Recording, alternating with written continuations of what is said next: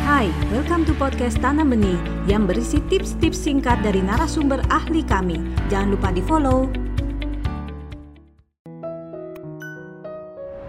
Anak yang memiliki preferensi gaya belajar visual, artinya ia sangat aktif di dalam menggunakan otak visualnya, bagian otak yang berfungsi untuk mengolah informasi secara visual.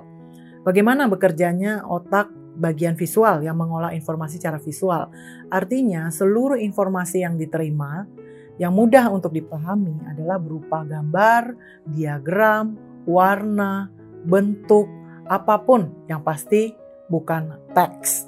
Oleh karena itu, seorang anak yang memiliki gaya preferensi visual biasanya maunya menerima informasi secara keseluruhan agar ia kemudian bisa memvisualisasikannya, agar ia mengerti memahami, kemudian ia mudah untuk menyimpan memorinya ketika membayangkan gambar atau lewat visualisasi.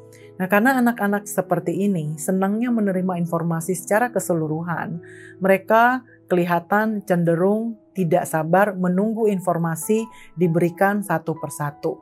Biasanya mereka pun ingin terburu-buru atau cepat di dalam memahami atau ingin menerima informasinya secara sekaligus.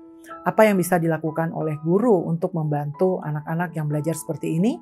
Guru tentunya jika tahu bahwa anak ini memiliki gaya preferensi visual, bisa menyediakan gambar-gambar, diagram, tabel, atau apa pun untuk membantu mereka memahami informasi atau sebuah konsep, kemudian juga di dalam membantu mereka mengingat informasi, bisa meminta mereka untuk menggambar ulang tabel tersebut atau membuat diagramnya sendiri.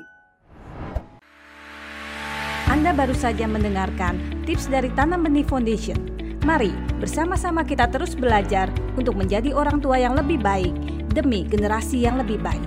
Jangan lupa follow podcast kami